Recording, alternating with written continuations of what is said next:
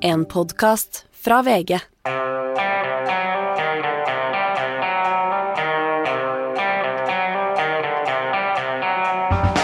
Ikke visste jeg at alle disse dagene som kom og gikk, de var selve uke 13. En eh, spesiell uke for, eh, for oss her i eh, gjengen, Tone Sofie. Ja, vi har vært på seminar. Vi har vært på tur, Ja. og det har vi vel eh, klart å gjøre verden ganske godt Det er mulig vi har nevnt det Ja. en gang eller to. Vi har nevnt en gang eller to, og vi har delt eh, feriebilder. Holdt jeg på å si feriebilder er det jo slett ikke, vi har jo jobbet på, på Facebook og, og i det hele tatt. Hva syns du var høydepunktet? Eh, det er ikke lov å nevne 20 grader og sol. Eh, det er lov å nevne, men eh, Nei, jeg syns vel at møtet med det opposisjonspartiet Momentum jeg Skal ikke gå i dybden på deres partiprogram, men det syns jeg var veldig interessant. Ja, det er jeg enig i. Ja. Og det er jo, du sitter der med noen sånne folk, og de, de kunne vært fra Fremskrittspartiet, de kunne vært fra SV liksom i Norge. Eh, Men her utgjør de altså en opposisjon som omtrent ikke får komme til orde i eh, mediene. Ja, det er veldig interessant, for du får, når du er i Budapest, så får du ikke følelsen at du er i, i et sånt land. Det framstår jo veldig moderne, og, og det gjorde for så vidt også det partiet vi møtte. Det var jo et veldig sånn urbant, liberalt parti. Eh, men så er bakteppet så utrolig annerledes.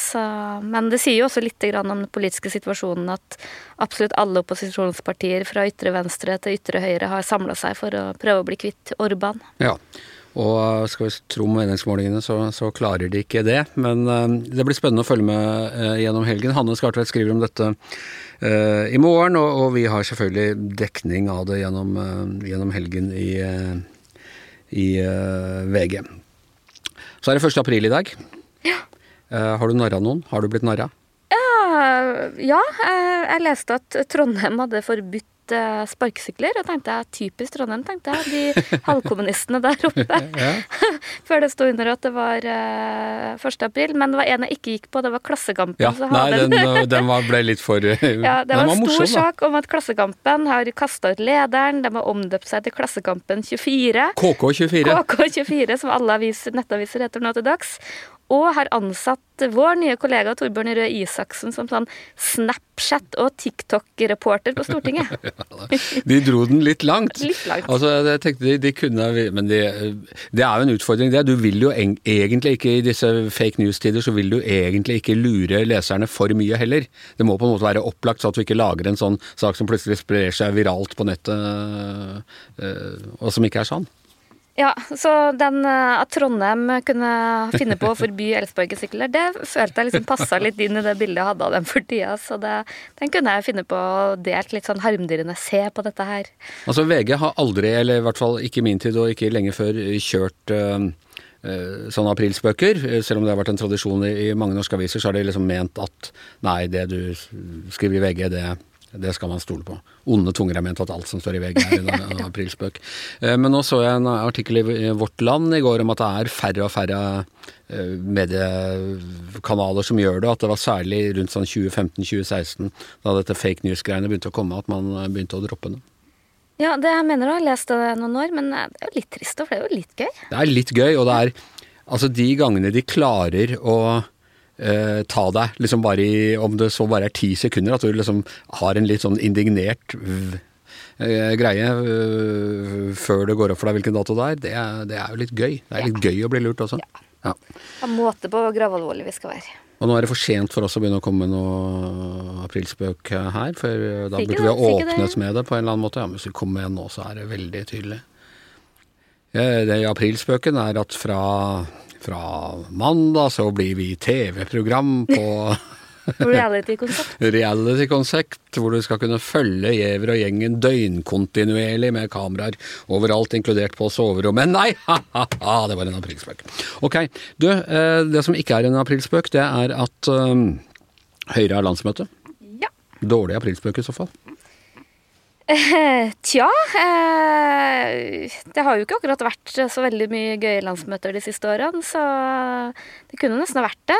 De møtes, ja, mange møtes allerede i kveld, fredag, men på lørdag braker det løs på Gardermoen, og det er jo litt sånn eh, det er jo ikke akkurat et program proppfullt av politikk. Desto mer tid for sosialt. Og det er en stund siden, for det er ikke bare covid som har gjort at Høyre har kjørt på litt sånn lavt gir på landsmøtefronten de siste årene? Nei, det har jo vært sånn, eh, Landsmøter er jo egentlig et veldig sånn høydepunkt, for du får møtt så utrolig mye folk, og jeg tror folk syns det er veldig sånn hyggelig. Men det har jo Første så har vi jo hatt noen år med disse covid-landsmøtene. Stort sett har det jo vært digitalt, men noen har jo hatt litt sånn kohort, og det har jo vært så strengt at vi må liksom stå På det verste sto jeg på hver vår side av et sperrebånd for å snakke med noen sånne politikere med to meter avstand, og sånn har det jo vært. Men Høyre hadde jo etter metoo så hadde de jo et år hvor de hadde nachspielforbud og edruvakter under landsmøtemiddagen. Og jeg husker jeg ble plassert mellom to sånne edruvakter på den der eh, middagen. Da tenkte jeg hva i all verden er det for et rykte er det jeg har, egentlig?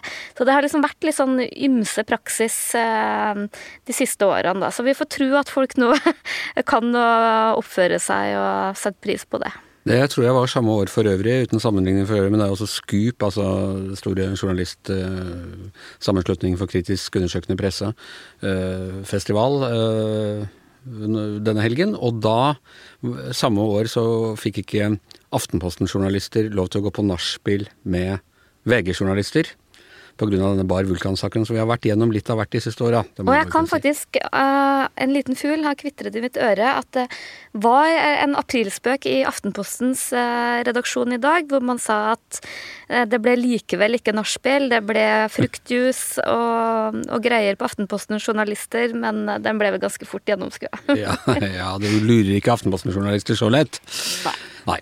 Uh, ja, hva, men hva er de store kontroversene? Hvor er fraksjonene? Hvor, uh, hva slåss de om? Hva blir benkeforslagene? Kontroverser og Høyre, fraksjoner og Høyre, politisk uenighet og Høyre. Mm, det blir vel ikke så veldig mye av det. Det er jo et Jeg husker parti. Eh, Andreas Humpeland skrev en gang at Høyre er et så velstriglet parti at det eneste spenningen på landsmøtet er om kongens gratulasjonstelegram kommer før eller etter hovedretten. ja, ja, og det er omtrent sånn nå, for nå har de jo knallsterke meningsmålinger uten at de trenger å løfte en finger. Regjeringa gjør vel eh, jobben for dem, og de er jo usedvanlig både samla Til og med den nestlederkampen eh, i forkant av landsmøtet var jo så fordragelig og fredelig at de at de mm, Ja, det var ikke mye spenning til det. De bare unna hverandre alt godt og var bare glad det ble nestleder omtrent. Eh, og og det, sånn er vel egentlig litt situasjonen. Det jeg tror det kommer bli litt debatt om, det er energi. Det,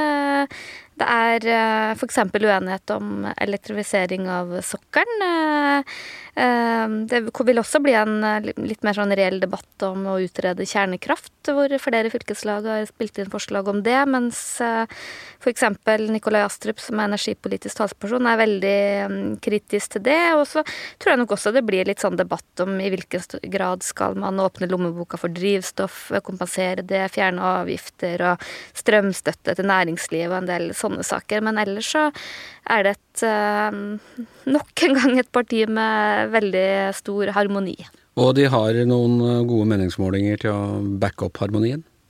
Absolutt. Eh, de hadde jo en veldig god meningsmåling til oss her for et par uker siden. Hadde det hos Aftenposten og NRK den uka her, mens Arbeiderpartiet er jo ned på 20 20,7, om jeg ikke husker feil. Eh, så er jo Høyre opp på 27-28-tallet. Eh, det er jo helt på hodet av hva man, eh, man skulle tro. Man kunne jo kanskje forvente at et parti som har styrt i åtte år, tapte valget, nå ville ha en litt sånn derre Litt sånn eh, kritikk og sånn. Vi kom litt mer til overflaten da, og litt mer konflikter og sånn. Men nå Det virker i hvert fall veldig ro rundt Erna Solberg, selv om selvfølgelig det er jo litt sånn elefanten i rommet. Når går henne av? Og, ja, for hun sitter på oppsigelse på en eller annen måte? På en eller annen merkelig måte gjør hun det, uten at jeg opplever at det er noe hastverk eh, med det. Hun har såpass stor autoritet. Og så mitt inntrykk i hvert fall er at de som var liksom de som var generasjonen etter henne, da, sånn som Bent Høie, er jo allerede tilbake som fylkesmann eller statsforvalter, som det nå heter, i Rogaland. Det her blir jo Jan Tore Sanner sin, sitt siste landsmøte går nå av som nestleder. Ine Marie Eriksen Søreide har jo også signaler, eller signalene fra henne er jo ikke akkurat at hun øh, ønsker å bli noen partileder, ønsker jo ikke å bli nestleder nå, mens den neste generasjonen med Henrik Asheim, Tina Bru, Nikolai Astrup, eh, opplever virkelig ikke at det er noen spisse albuer og noe sånn klatring til topp som står øverst i pannebrasken på dem. Nei. Hvem tror du? Nei, det virker nesten helt umulig å spå. Jeg vil vel tro at den som mange peker på, er eh, Henrik Asheim. Eh, uh, som nå som sagt blir valgt til nestleder. veldig godt likt. veldig debattsterk, ideologisk også, men Og en avslappet fyr, som ja, ja, ja. er veldig god til å ikke virke partidogmatisk, eller Ja, han har liksom den evnen til å ikke framstå som en sånn Uh, Sjøl når han liksom er ute i partiets ærend, så framstår han ikke som en sånn partikanin, da. Uh, og det er jo og det er også sett sånn rundt omkring i landet at han er flink til å behandle folk, men jeg tror mange, han sjøl inkludert, opplever at det er for tidlig. Eh, Tina Bru er en annen person som veldig mange har fått et veldig godt inntrykk av, og som har litt det samme egenskapene, litt annerledes ideologisk, vil jeg kanskje si, men også veldig sånn åpen og, og tillitsvekkende og sånn, men opplever heller ikke at hun er noe sånn eh, eh, opptatt av å komme til topps nå. Så, så, så, det Jeg tror de har opplever at de har god tid. Eh, så har eh, det jeg tror liksom er litt sånn som ligger litt sånn under, jeg tror du har en litt sånn distriktsfløy som vil være litt sånn som alltid liksom vil uh, være opptatt av hvordan Høyre kan styrke seg rundt i landet. Bekymra for det. ja. Uh, prøvde jo litt det i forkant da, i den nestlederkampen hvor uh, Bård Ludvig Thorheim fra Nordland, da, som bor i Oslo, yppa seg litt, uten at det eh, nødvendigvis resulterte, men det er jo det er en liten fløy høyre. Så har du nok noen som mener at Høyre må bli litt blåere, litt mer at man har blitt altfor pragmatisk og bruker for mye penger og, og sånn. Det vil At man må gå litt opp mot eh, Fremskrittspartiet ja, Hvis du leser litt sånn Minerva og men, men, også det opplever ikke jeg noe sånn der eh, voldsomt rop i partiet. Det som jeg tror bekymrer mange, er hvor svakt Høyre Eh, ligger an til å gjøre det i de store byene. De tapte jo veldig mange storbyer eh, sist. Det er veldig viktige politikkområder for Høyre. Eller det er viktig fordi det er selvfølgelig mange velgere der. Eh, Og fordi det er der de alltid har hatt ja, sine bastioner. Ja, ikke minst Høyre på, på Østlandet er selvfølgelig veldig sterk, men også fordi det er et viktig sted å både bygge profiler, teste ut politikk det liksom fungerer litt som sånn politiske verksted og utstillingsvinduer. Og de har mista alle de, og de eh, ligger ganske dårlig an til å ta de tilbake.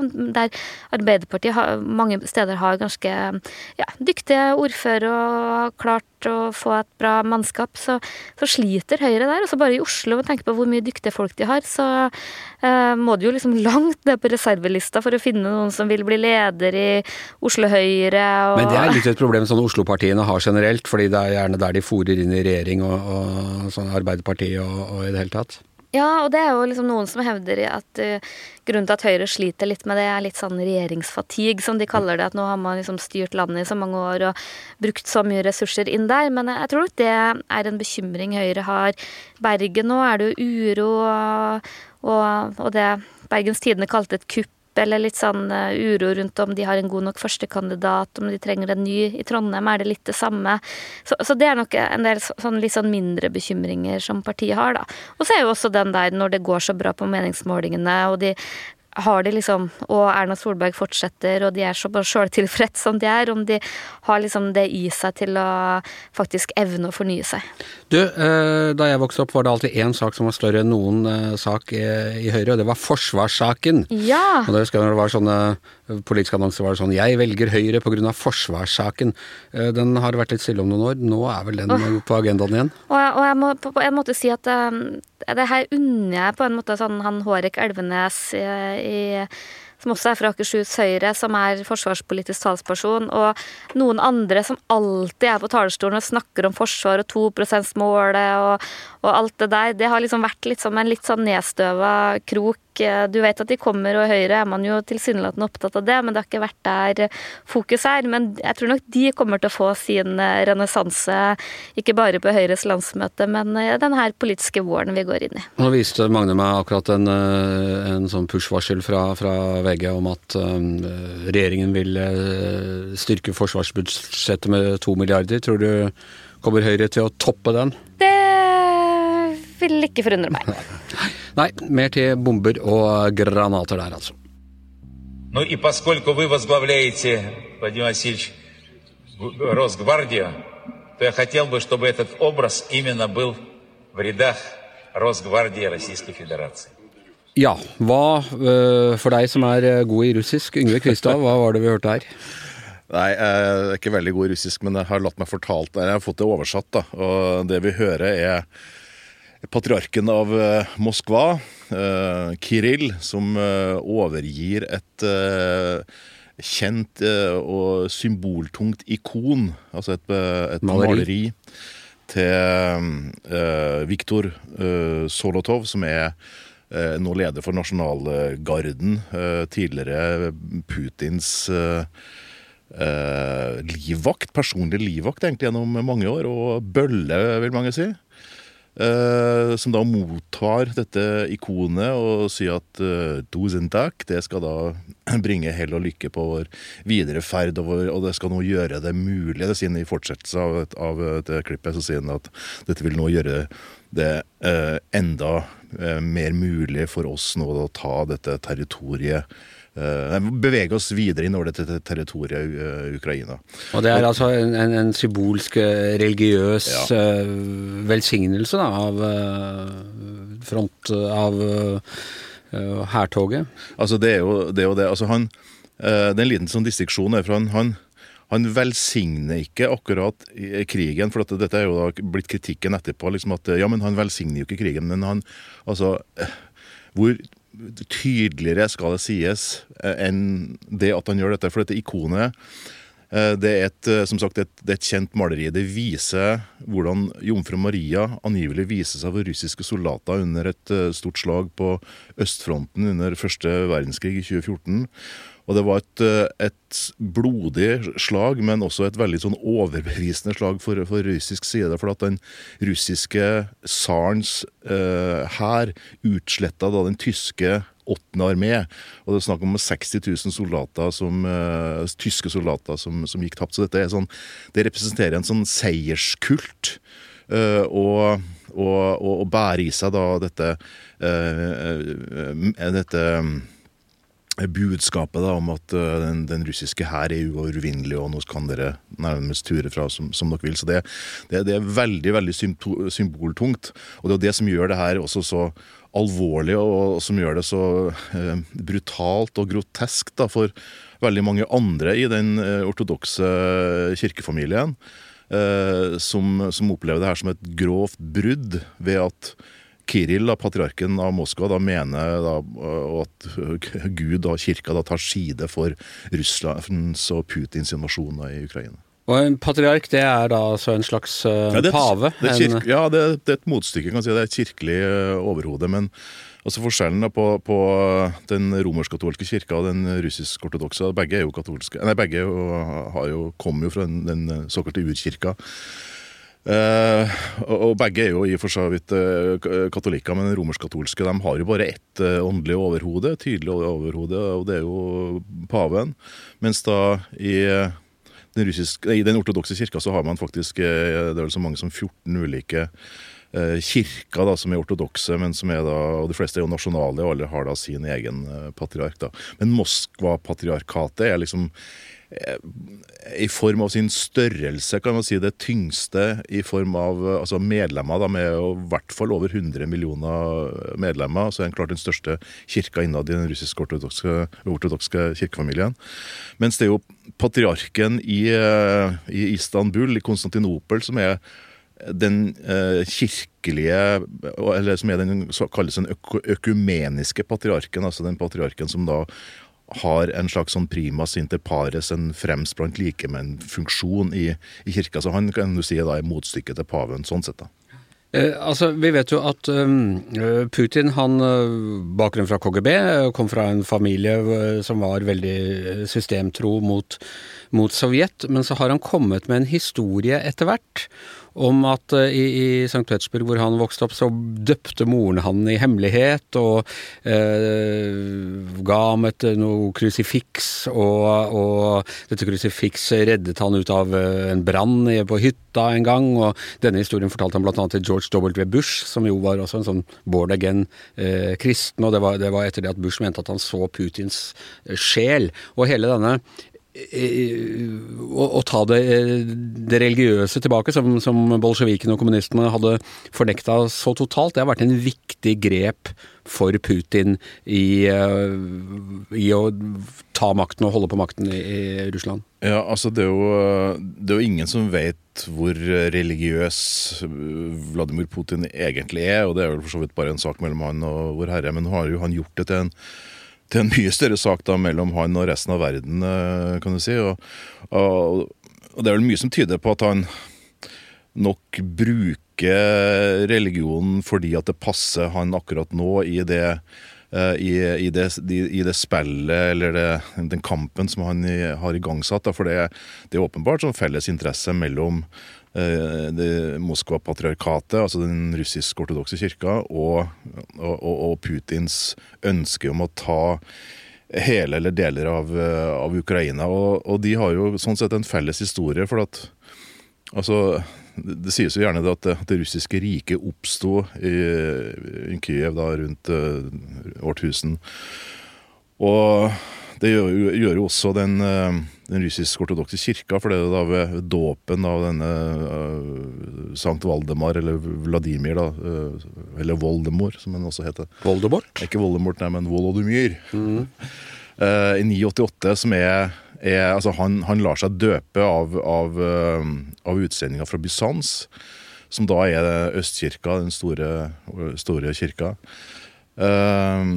og hans historie er på en måte det er litt sånn Olav den hellige. altså Han, han, han døpes, han blir nasjonalhelgen. Uh, han er den som kristne uh, Russland.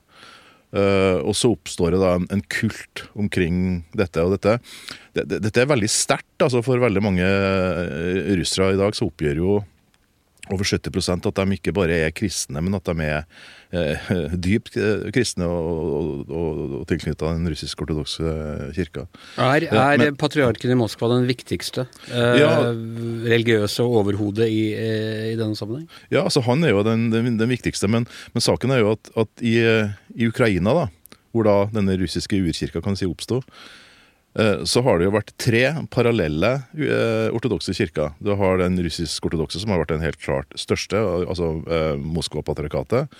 Men så har det vokst fram to parallelle, uavhengige kirker, som nå har slått seg sammen og fra 2019 erklært uavhengighet fra Moskva-patriarkatet og har etablert Kyiv-patriarkatet. Og det har jo gjort Kiril så rasende at han har jo da selvfølgelig brutt med dem. Og det verste er jo i hans øyne at, han, at den nye Kyiv-kirka har søkt anerkjennelse i, i Konstantinopel hos, hos patriark Bartolomeus, som er da som sagt det, det åndelige overhodet for og den økumeniske Eh, patriarkaten her, men han er jo også da den største konkurrenten sant, til, til Kiril, så det, det er jo også en personlig feide der. og Det har jo da ført til at det da Eh, at den russisk-ortodokse, altså Moskva-patriarkatet, har da brutt med de øvrige. altså Brutt kommunion, som heter, altså brutt uh, nattverdsfellesskap, eller brutt fellesskapet, rettere sagt.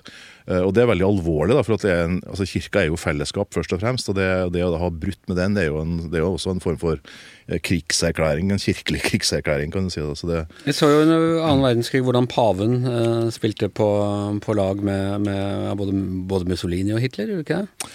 Jo, altså nå, nå, Velkommen til vepsebordet. Dette er en eh, stor debatt, men det er klart det er hva, hva som var eh, hva som var hva det er, litt, det er litt, egentlig litt vanskelig å si. Det er helt åpenbart at det var nære bånd med, med, fascistene og fasciststyret. Men det er også historie der om, om, hvordan det ble brukt da, for å blant annet ja, redde jøder og det ene med det andre. Men, men, men eh, det var en stygg sak, det var det absolutt. Altså. Og den, eh, det har tatt mange år å prøve å finne ut av det, hva som egentlig har skjedd. Og fortsatt så, så strides jo partene, partene der.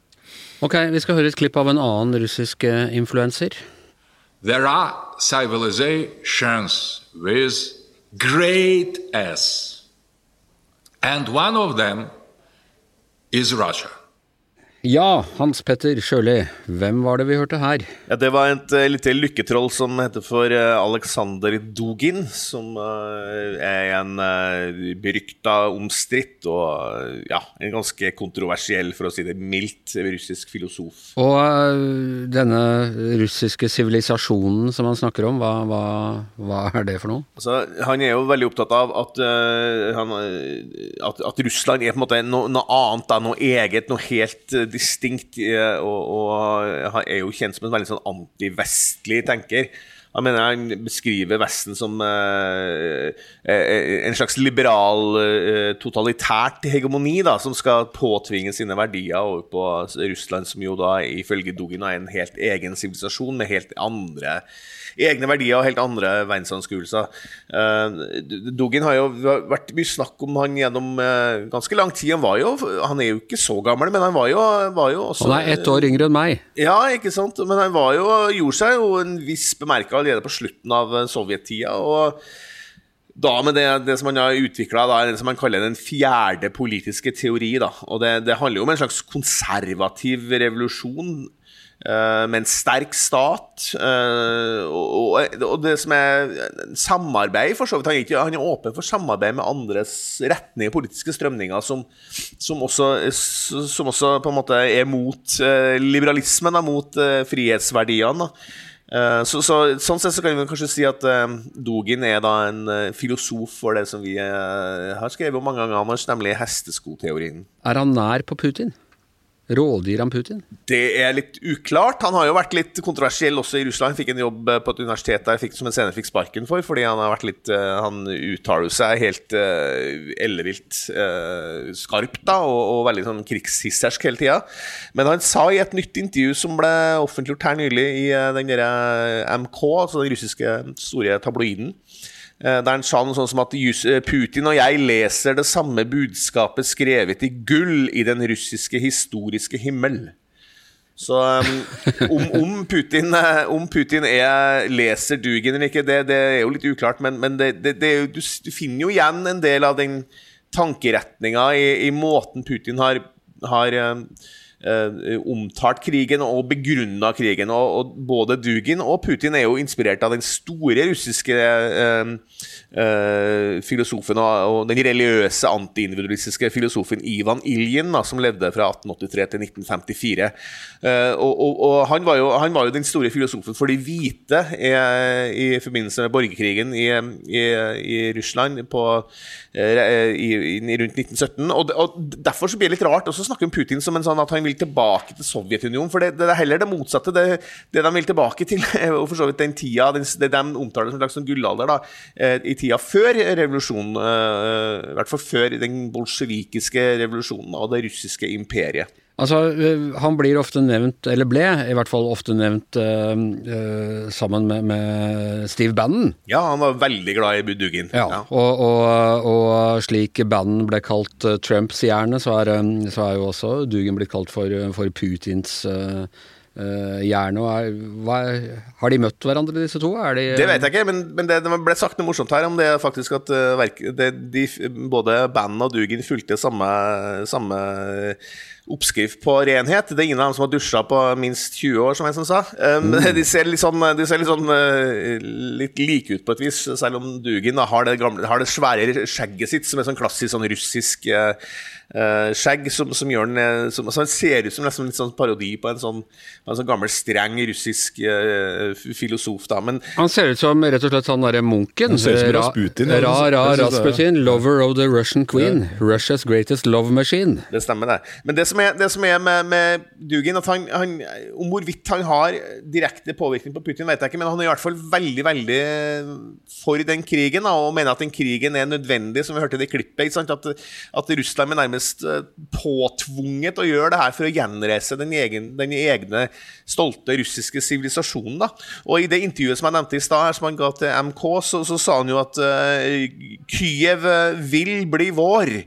Uh, og at uh, det er en kamp om enheten mellom østslaverne og en uh, og, og, og, mellom østslaverne og Vesten. ikke? Og, og, igjen at du skal ha en ny da, allianse mellom de østslaviske folkene og de asiatiske delene av det russiske imperiet også, for det er jo det som kalles den euras, eurasiske union, var den store tanken til, til, til Putin. Og den, der er jo en, der er Dugin en som, som har veldig, vært veldig sånn inni det derre For å lage en slags sånn en fortelling om, om enheten mellom Russland og, og, den gamle asiatiske verden, men samtidig også, da med Ukraina og Hviterussland som de østslaviske folkene som skal være en del av den Eh, eurasiske eh, sivilisasjonen. Jeg tror eh, dessverre at det, at det er noe sammen, sammenfallende interesse også her. fordi at, som Hans Petter nevner, viktigheten av, av Kyiv her, og det tror jeg nok også Putin har en baktanke med når det gjelder den, si det, den åndelige imperialismen her, som, som han også bruker ganske rått. da. Fordi at Um, og, det, og, det, og, det, sies jo altså uh, Folk som uh, kan mye mer om, om det religiøse aspektet enn en meg, de sier jo at, at Putin er kanskje ikke så interessert i de landområdene som han har uh, tatt så langt. fordi at det som egentlig ligger bak, det er viktigheten av å ta, ta Kyiv. For det er altså så, det er så potent og så symbolsk viktig, fordi at i den store fortellinga da om uh, russ og, og, og, og, gjenerobringen av, av uh, det uh, kanoniske territoriet, altså det kirkerettslige territoriet, så er, er Kyiv helt viktig, for at det var der alt oppstod. Det var der kirka oppstod, det var der, det var der Russland oppstod. Sånn at de sier jo at det er Det er Stiklestad? Ja, det er jo det, ikke sant? Eller Nidaros kanskje mm. vel så mye. Fordi at da, ikke sant? Da, da Bysants falt, altså da Østkirka falt, så så russerne det som helt naturlig at det var de som var de arvtakerne. Altså det tredje rom, det oppsto i Kyiv. Og det er ikke uten grunn at både patriark Kiril og Putin underforstått snakker om Når de snakker om det tredje, så er det da det tredje rom. altså de, de skal ha Eh, om ikke verdensherredømme, så skal de ha storherredømme over dette Stor-Russland. Det som er interessant med, med Dugin, også snakker jo også, han er jo uttalt veldig religiøs da, og, og snakker om eh, Russland som lyset ja. mot eh, det vestlige mørket. da. Eh, eh og, og, mørket i, i den fortellinga her er liksom den absolutte ondskap. Altså at Vestens liberale eh, verdier er, er, ondskap, da, sett med, den, med duginske øyne. da. Og, og te, vi, vi, nevnte jo i stad eller jeg nevnte jo Ivan Iljin, og han også var jo den store filosofen på 1800-tallet, var jo også veldig eh, bevisst på det med Ukraina som en sånn veldig sentral del av, av det russiske imperiet. Så, så det, men det, det, som jeg har lyst til å si, eh, karer, er jo at det her, og det sier jeg som historieutdanna også, er, er at det her liksom, er et sånn klassisk eksempel på too much history. Da. Altså, hvis du låser deg sånn inn i en sånn historisk forståelse av alt mulig rart, og tenker egentlig på dagens eh, eh, samfunn og dagens politikk bare med et historisk blikk, så, så, så, så, blir det jo, viser jo det hvordan hvordan eh, sånne historiske narrativer da, blir pregnante våpen for, for reaksjonære krefter. Så, så, historien er, Det er viktig å vite om historie, men også for mye historie eh, kan også føre til, til at, at, det begås handlinger som, som begrunnes eller forsvares da, eh, på et veldig tynt grunnlag. Ja. Det tror jeg vi lar være en, en advarsel til til alle våre lyttere. Eh, lær dere historien, men ikke stol blindt på den, for den gjentar seg ikke som en sånn matematisk nødvendighet. Det gjentar seg som farse, faktisk. Ja, først, ja, først, som tragedie, og så som farse, ifølge en annen eh, skjeggebuss som, vi, som man også kan lese litt for mye av. Eh, ok, eh, Giæver og gjengen er eh, over for i dag. Giæver og gjengen er over for denne uka. Vi må minne om at fra mandag så er vi ikke lenger åpne på mandag, tirsdag, onsdag og torsdag. Da må du ha appen eh, Podme eh, for, å, for å høre på oss. Den får du nå ved et tilbud ved å abonnere på VG+. Eh, neste fredag er vi tilbake og åpne og frie som fuglen, så da finner du oss på, på dette stedet som du hører oss nå. Eh, tusen takk til Tone Sofie Aglen, tusen takk til Hans Petter Sjøli, tusen takk til Yngve Kvistad. Jeg heter Anders Giæver, og podkastens produsent og gale Munch er som vanlig Magne Antonsen.